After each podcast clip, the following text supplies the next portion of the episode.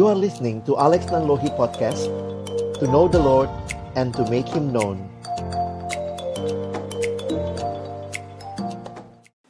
Mari kita berdoa sebelum kita membaca merenungkan firman Tuhan.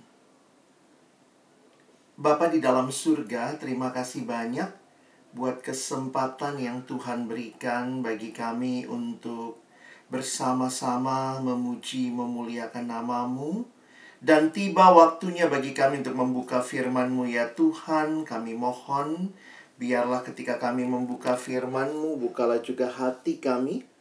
Jadikanlah hati kami seperti tanah yang baik, supaya ketika benih firman Tuhan ditaburkan itu boleh sungguh-sungguh berakar, bertumbuh, dan juga berbuah nyata di dalam kehidupan kami. Berkati baik hambamu yang menyampaikan firman, setiap kami yang mendengar, Tuhan tolong kami semua, agar kami bukan hanya menjadi pendengar-pendengar firman yang setia, tapi mampukan dengan kuasa pertolongan dari rohmu yang kudus, kami dimampukan menjadi pelaku-pelaku firman-Mu di dalam hidup kami, di dalam segenap pekerjaan kami ya Tuhan. Bersabdalah ya Tuhan, kami umat-Mu sedia mendengarnya, dalam satu nama yang kudus, nama yang berkuasa, nama Tuhan kami Yesus Kristus. Kami menyerahkan pemberitaan firman-Mu. Amin. Shalom, selamat siang teman-teman yang dikasihi dalam Tuhan Yesus Kristus. Saya bersyukur uh, kesempatan ini Tuhan berikan untuk kita kembali sama-sama belajar akan kebenaran firman Tuhan.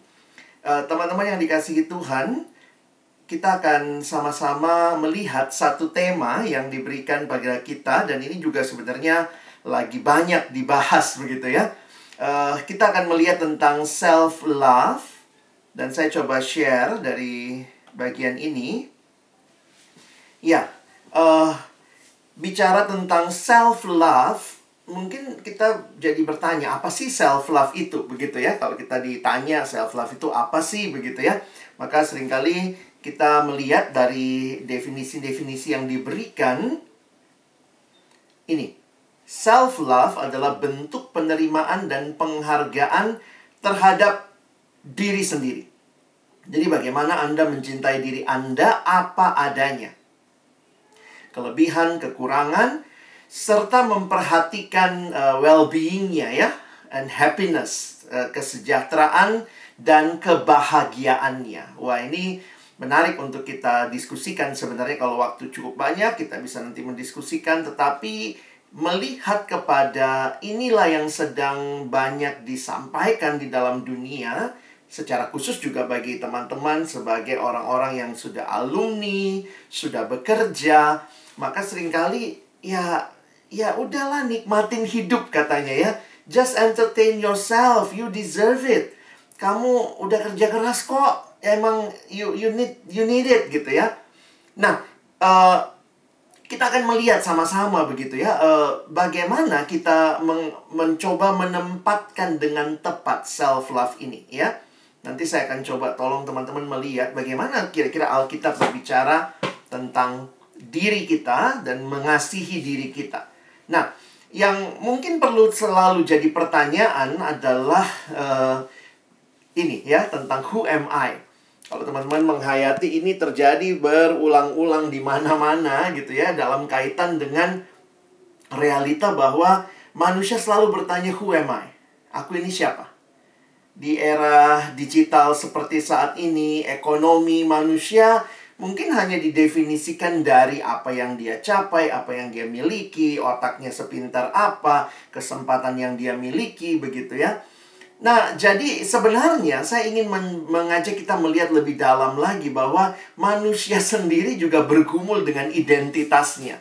Kadang-kadang kita pikir, oh zaman mahasiswa tuh bergumul dengan identitas. Tapi ternyata nggak juga. Sampai sudah alumni pun mungkin kita juga terus bergumul dengan identitas diri kita. Who am I? Pertanyaan ini. Dan karena itu kita tidak bisa lupa bahwa manusia yang diciptakan Allah, kita juga manusia yang sudah jatuh dalam dalam dosa. Sehingga di dalam memandang diri, nah ini yang muncul ya. Gimana memandang diri dengan tepat? Jangan-jangan kita memandangnya terlalu tinggi. Kalau kita ketemu orang yang nggak bisa, kita lebih bisa, kita langsung look down. Ih, gitu aja nggak bisa ya. Atau melihat orang yang lebih tinggi dari kita, pencapaiannya, hal-hal yang dia miliki, lalu kita jadi merasa rendah diri. Aduh, aku nggak seperti dia. Jadi memang pergumulan untuk uh, memandang diri dengan tepat ini jadi pergumulan. Jadi sebelum kita bicara self love, ternyata kita juga menghayati manusianya juga sedang pencarian jati diri dan juga sudah jatuh dalam dosa karena itu banyak yang bilang, wah nggak boleh self-love gitu ya. Kenapa? Ada ayatnya misalnya ya. Orang angkat ayat 2 Timotius pasal 3 misalnya ayat 1 dan 2. Dikatakan oleh Paulus kepada Timotius, ketahuilah bahwa pada hari-hari terakhir akan datang masa yang sukar. Nah ini cirinya. Yang pertama, manusia akan mencintai dirinya sendiri.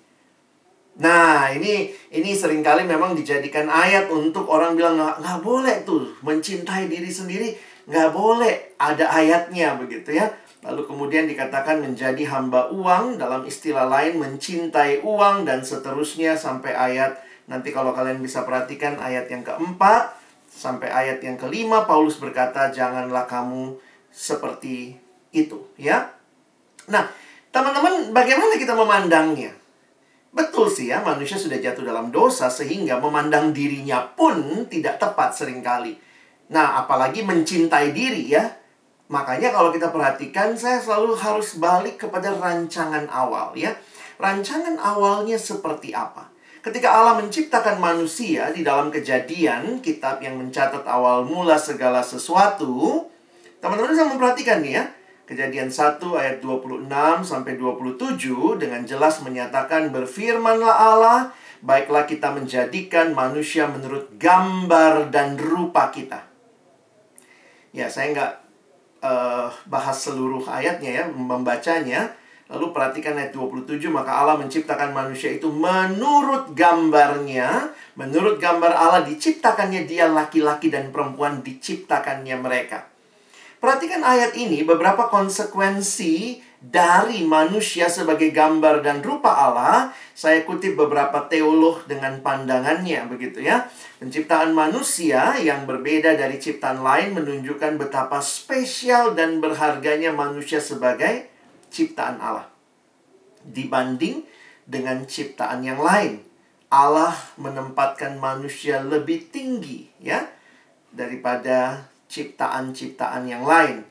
Nah, ini seorang uh, penulis Kristen menulis gambar Allah hadir dalam diri setiap manusia dan hal itu memberikan sebuah dasar yang pasti bagi martabat manusia.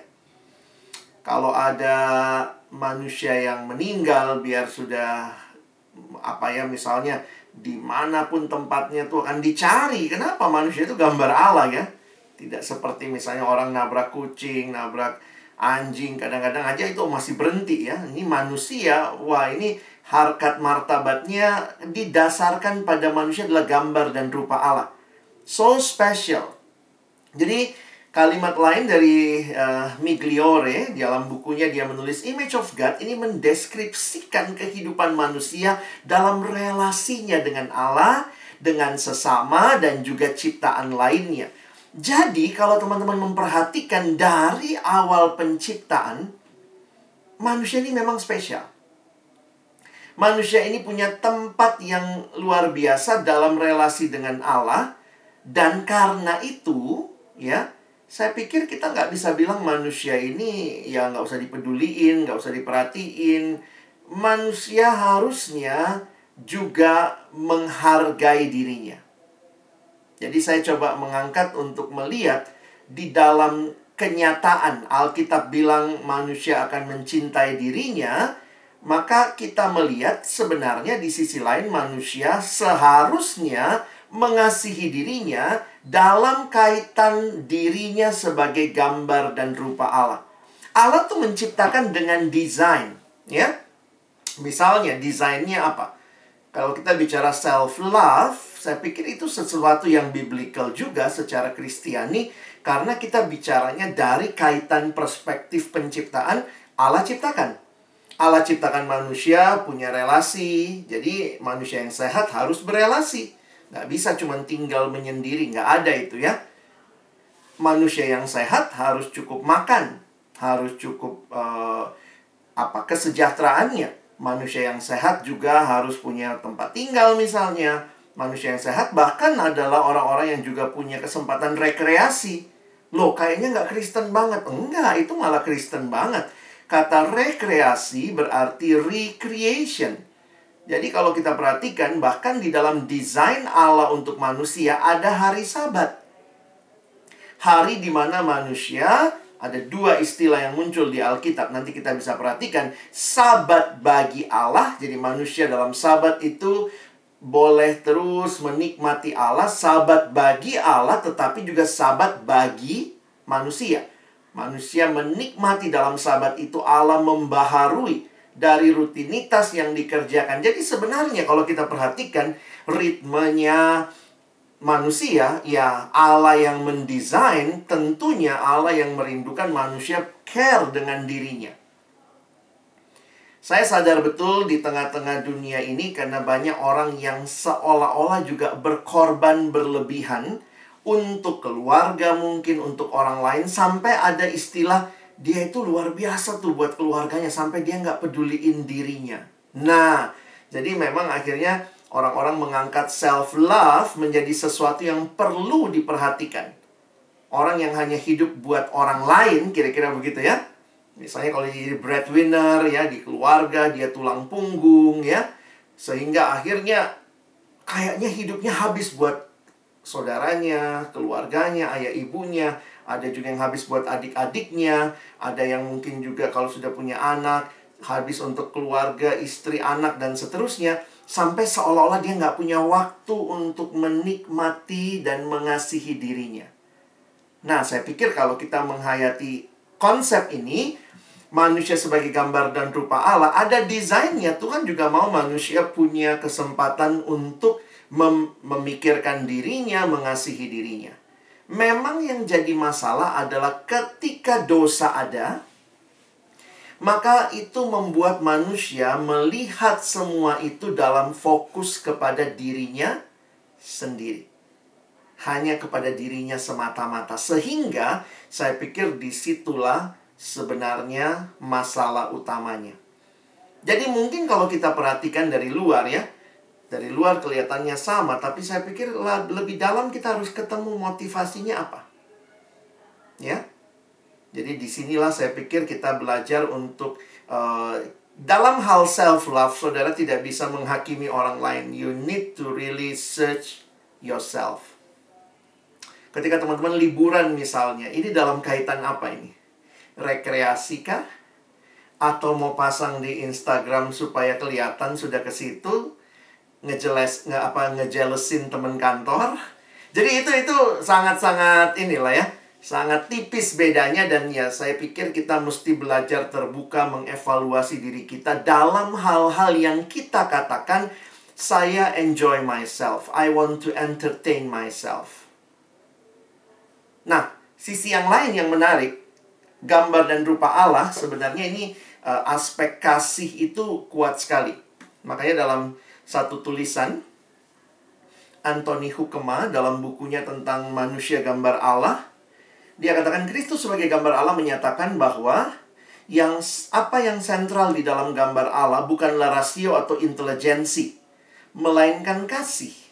Karena di dalam kehidupan Kristus tidak ada yang lebih menonjol dibandingkan dengan kasihnya yang ajaib. Nah, kira-kira Kristus mengasihi dirinya nggak ya? bukannya dia berkorban di kayu salib begitu ya. Nah, itu jadi diskusi yang menarik juga. Tetapi kalau perhatikan bahwa manusia adalah makhluk yang serupa dengan Allah, ini bukan hanya dalam intelijensia, rasio, tetapi di dalam kasih, ya. Karena itu ketika Alkitab berbicara, Kejadian 2:18 tidak baik manusia itu seorang diri, maka Alkitab berbicara tentang manusia sendirian Nggak baik tuh manusia seorang diri. Bayangkan setelah semuanya dikatakan baik, baik, baik, tiba-tiba puncaknya sungguh amat baik. pertama kali di Alkitab kita muncul kata tidak baik di kejadian 2 ayat 18. Allah menghendaki manusia hidup di dalam kasih. Dan kasih butuh orang lain. Butuh one another. Nah, kenapa saya harus membahas ini? Supaya teman-teman bisa melihat juga nih ya. Ini kebutuhan dasar manusia. Sebagaimana ikan dibuat untuk air, manusia dibuat untuk kasih, untuk mengasihi Allah dan mengasihi sesama. Walaupun kesannya ini semua bicara mengasihi Allah, mengasihi sesama, tetapi saya meyakini di dalamnya juga terkandung kasih kepada diri sendiri. Ini Bu, sekali lagi kasih yang tidak egois ya. Karena yang egois yang sudah tercemar dosa itu juga jadi bagian yang bisa didiskusikan. Buktinya apa? Ketika Yesus bicara Matius 22 ayat 37 sampai 40, perhatikan ayat 39. Setelah dia bicara kasihilah Tuhan Allahmu ayat 37 maka ayat 39 kasihilah sesamamu manusia seperti dirimu sendiri. Jadi saya dalam kaitan ini harus men mencoba menjabarkan bahwa waktu dikatakan manusia adalah makhluk yang diciptakan untuk kasih itu termasuk mengasihi diri sendiri karena ini kalimat Yesus. Kita diminta mengasihi Allah, kita diminta mengasihi sesama, tetapi juga mengasihi diri. Nah, memang para teolog, ya ini sedikit uh, bocoran dalam teologi, di mereka mengatakan tidak ada ayat yang mengatakan kasihilah dirimu sendiri. Jadi kalau teman-teman lihat, ini yang disebut golden rules, ya, uh, perintah uh, apa yang agung, kasihilah Tuhan Allahmu, kasihilah sesamamu. Tidak, ini bukan tiga perintah, bukan ya? Bukan kasih Tuhan Allahmu, kasihi sesamamu, kasihi dirimu. Tidak. Kalau kalian lihat struktur kalimatnya dalam bahasa asli, ini cuma dua perintah. Kasihi Tuhan Allahmu, kasihi sesamamu. Makanya banyak teolog yang mengatakan self-love itu tidak mandatory di Alkitab. Nggak ada tuh perintah untuk kasihi sesama. Ini cuma dua perintah. Nah, tapi saya coba menghayatinya begini ya. Teman-teman perhatikan ya. Mengasihi Allah dan mengasihi sesama ini rangkuman hukum Taurat dan kitab para nabi. Mengasihi Allah dengan seluruh aspek hidup ya, ditujukan untuk mengasihi Allah dan kasih dari Allah itu tidak bisa lepas dari kasih terhadap sesama. Maka waktu kita lihat lanjutannya ya, kasihilah sesamamu manusia, ada kalimat seperti dirimu sendiri. dengan asumsi. Nah, ini asumsi yang saya pikir menarik ya. Bahwa manusia pasti mengasihi dirinya sendiri. Maka kita harus memperlakukan sesama sebagaimana kita ingin diperlakukan. Makanya saya saya coba dalam terang penafsiran ini memang tidak dikasih tiga perintah karena itu sesuatu yang udah otomatis. Kita pasti akan mengasihi diri kita. Yang sulit adalah kita mengasihi orang lain. Nah, memang manusia dalam dosa bisa juga jadi sulit mengasihi dirinya ya. Tetapi asumsinya kalau dia sehat, maka dia harusnya bisa mengasihi dirinya sendiri. Karena itu perintahnya ini, kasihilah sesamamu seperti kamu sudah sedemikian wajarnya mengasihi dirimu. Jadi, apa bukti kita mengasihi Allah? Seharusnya dengan mengasihi sesama. Lalu di mana letaknya mengasihi diri kita sendiri? di mana letaknya mengasihi diri kita sendiri. Secara teologis saya coba membagikan begini.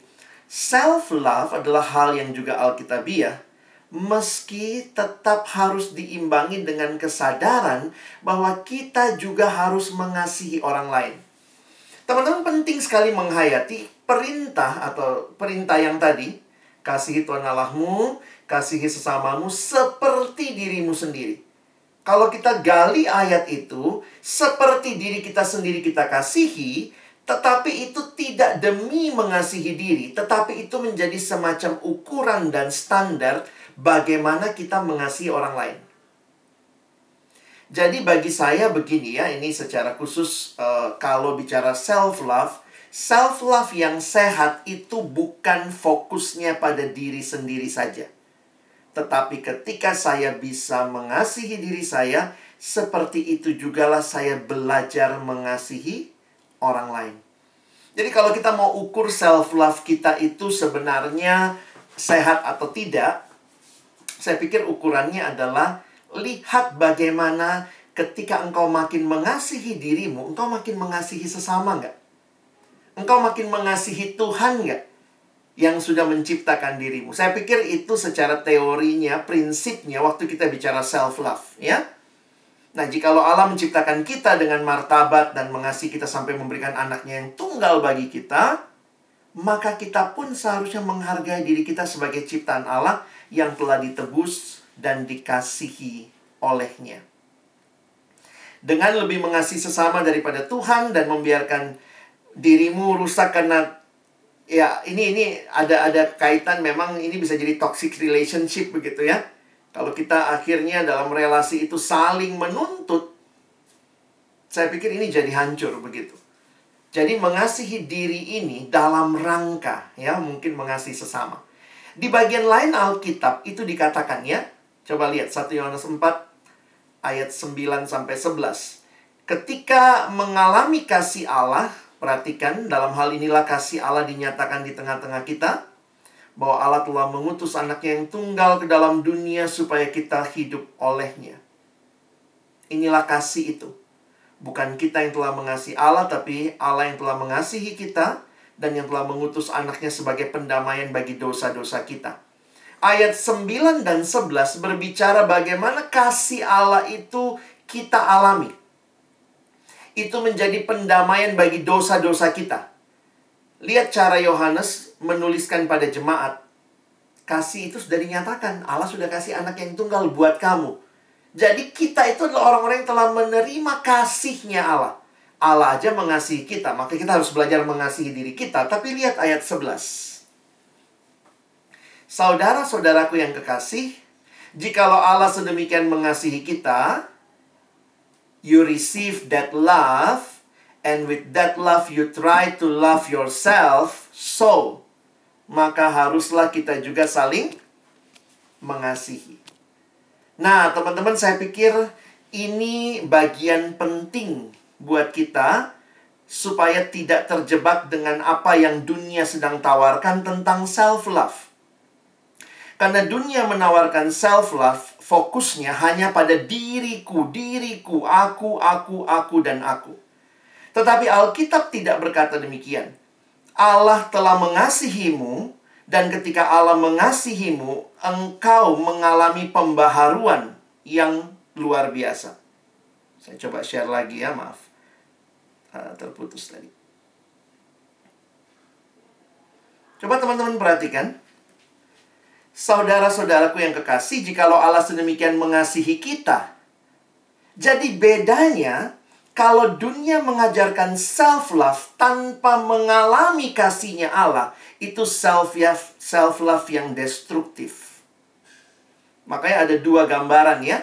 Ini dalam bicara lingkaran penerimaan, ada lingkaran anugerah. Jadi kan kita dalam hidup tuh ya uh, mau berprestasi, diterima, berarti, ditopang, ditunjang.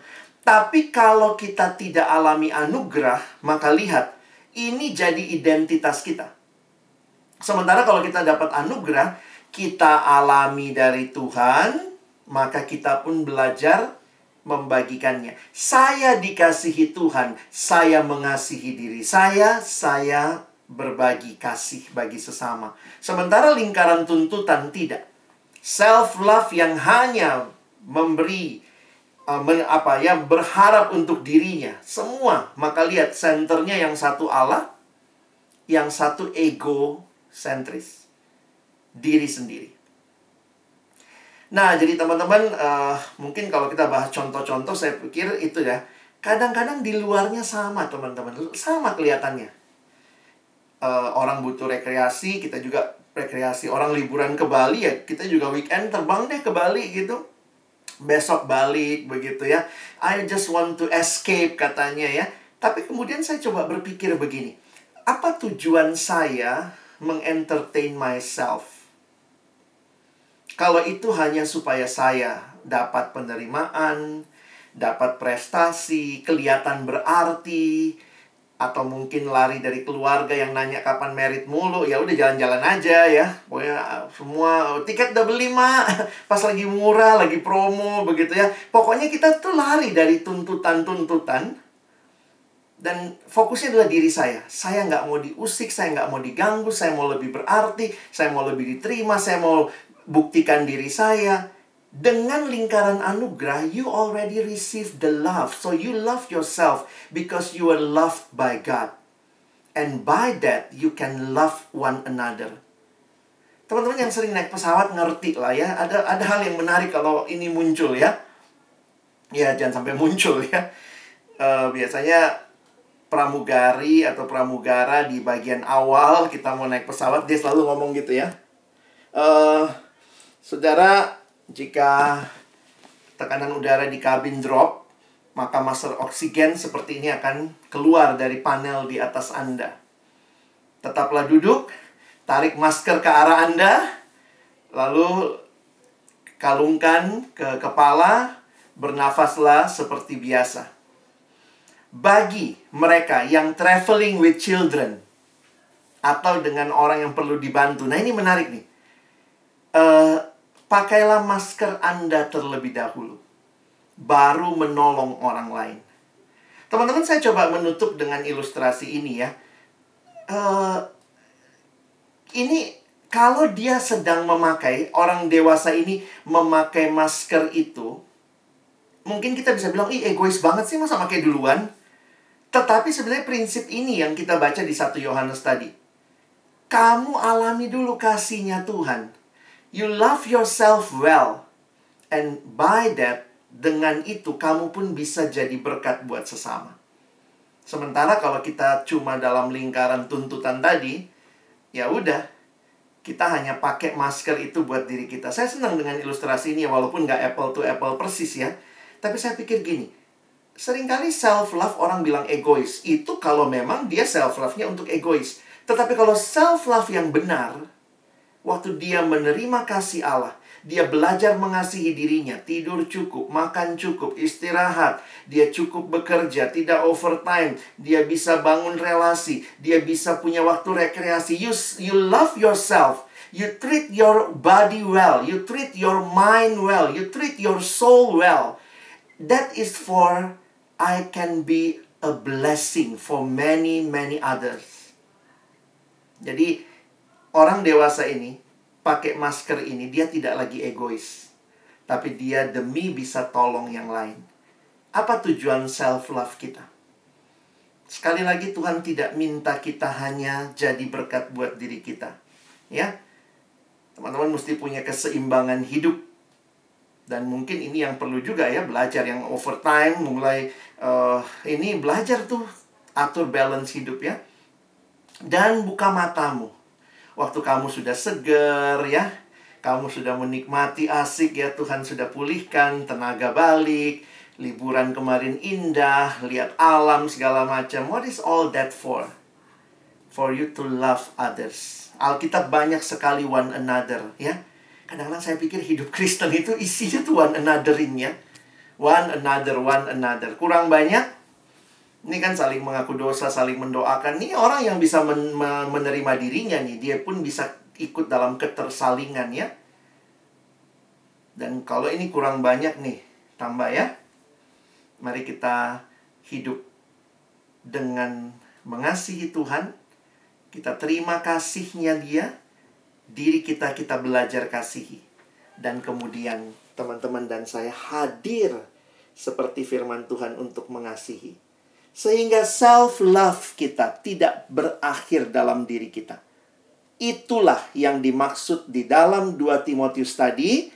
Manusia makin mencintai dirinya.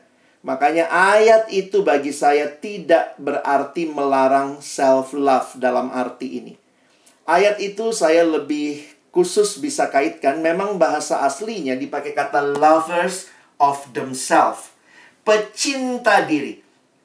Tapi pecinta diri yang egois seperti itu, itu self-centered. Nah, mungkin hari ini kita bawa pulang terminologinya ya.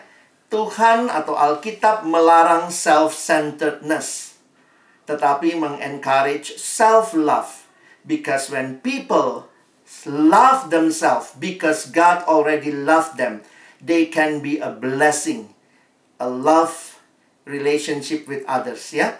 Ini bulan kasih sayang katanya ya, Valentine, Valentine kita mengasihi sesama, mengasihi Tuhan, mengasihi pasangan. Mari kita juga perhatikan diri kita. You need to love yourself. Maybe you need to have a good sleep. Mungkin yang lagi nggak tidur dengan baik nih. Mungkin yang lagi terganggu karena dari rumah ada yang kayaknya nggak imbang nih emosinya. Gue mesti keluar, gue mesti keluar, nggak tahu mau ke mana nih ya. Kosnya cuma 4 kali 4 gitu ya. Nah, somehow you need to find a way ya to help yourself. Mungkin juga bisa video call dengan teman, dengan orang-orang yang dekat, minta didoakan, bisa berbagi dan itu sebenarnya apa? Ketika kamu alami semua itu Tuhan pulihkan, Tuhan kuatkan. That is for you to love one another. Kiranya Tuhan menolong kita boleh mengerti perbedaan jelas hari ini. Kita tidak diminta untuk self-centered, tapi Tuhan mau kita self-love to love one another. Amin.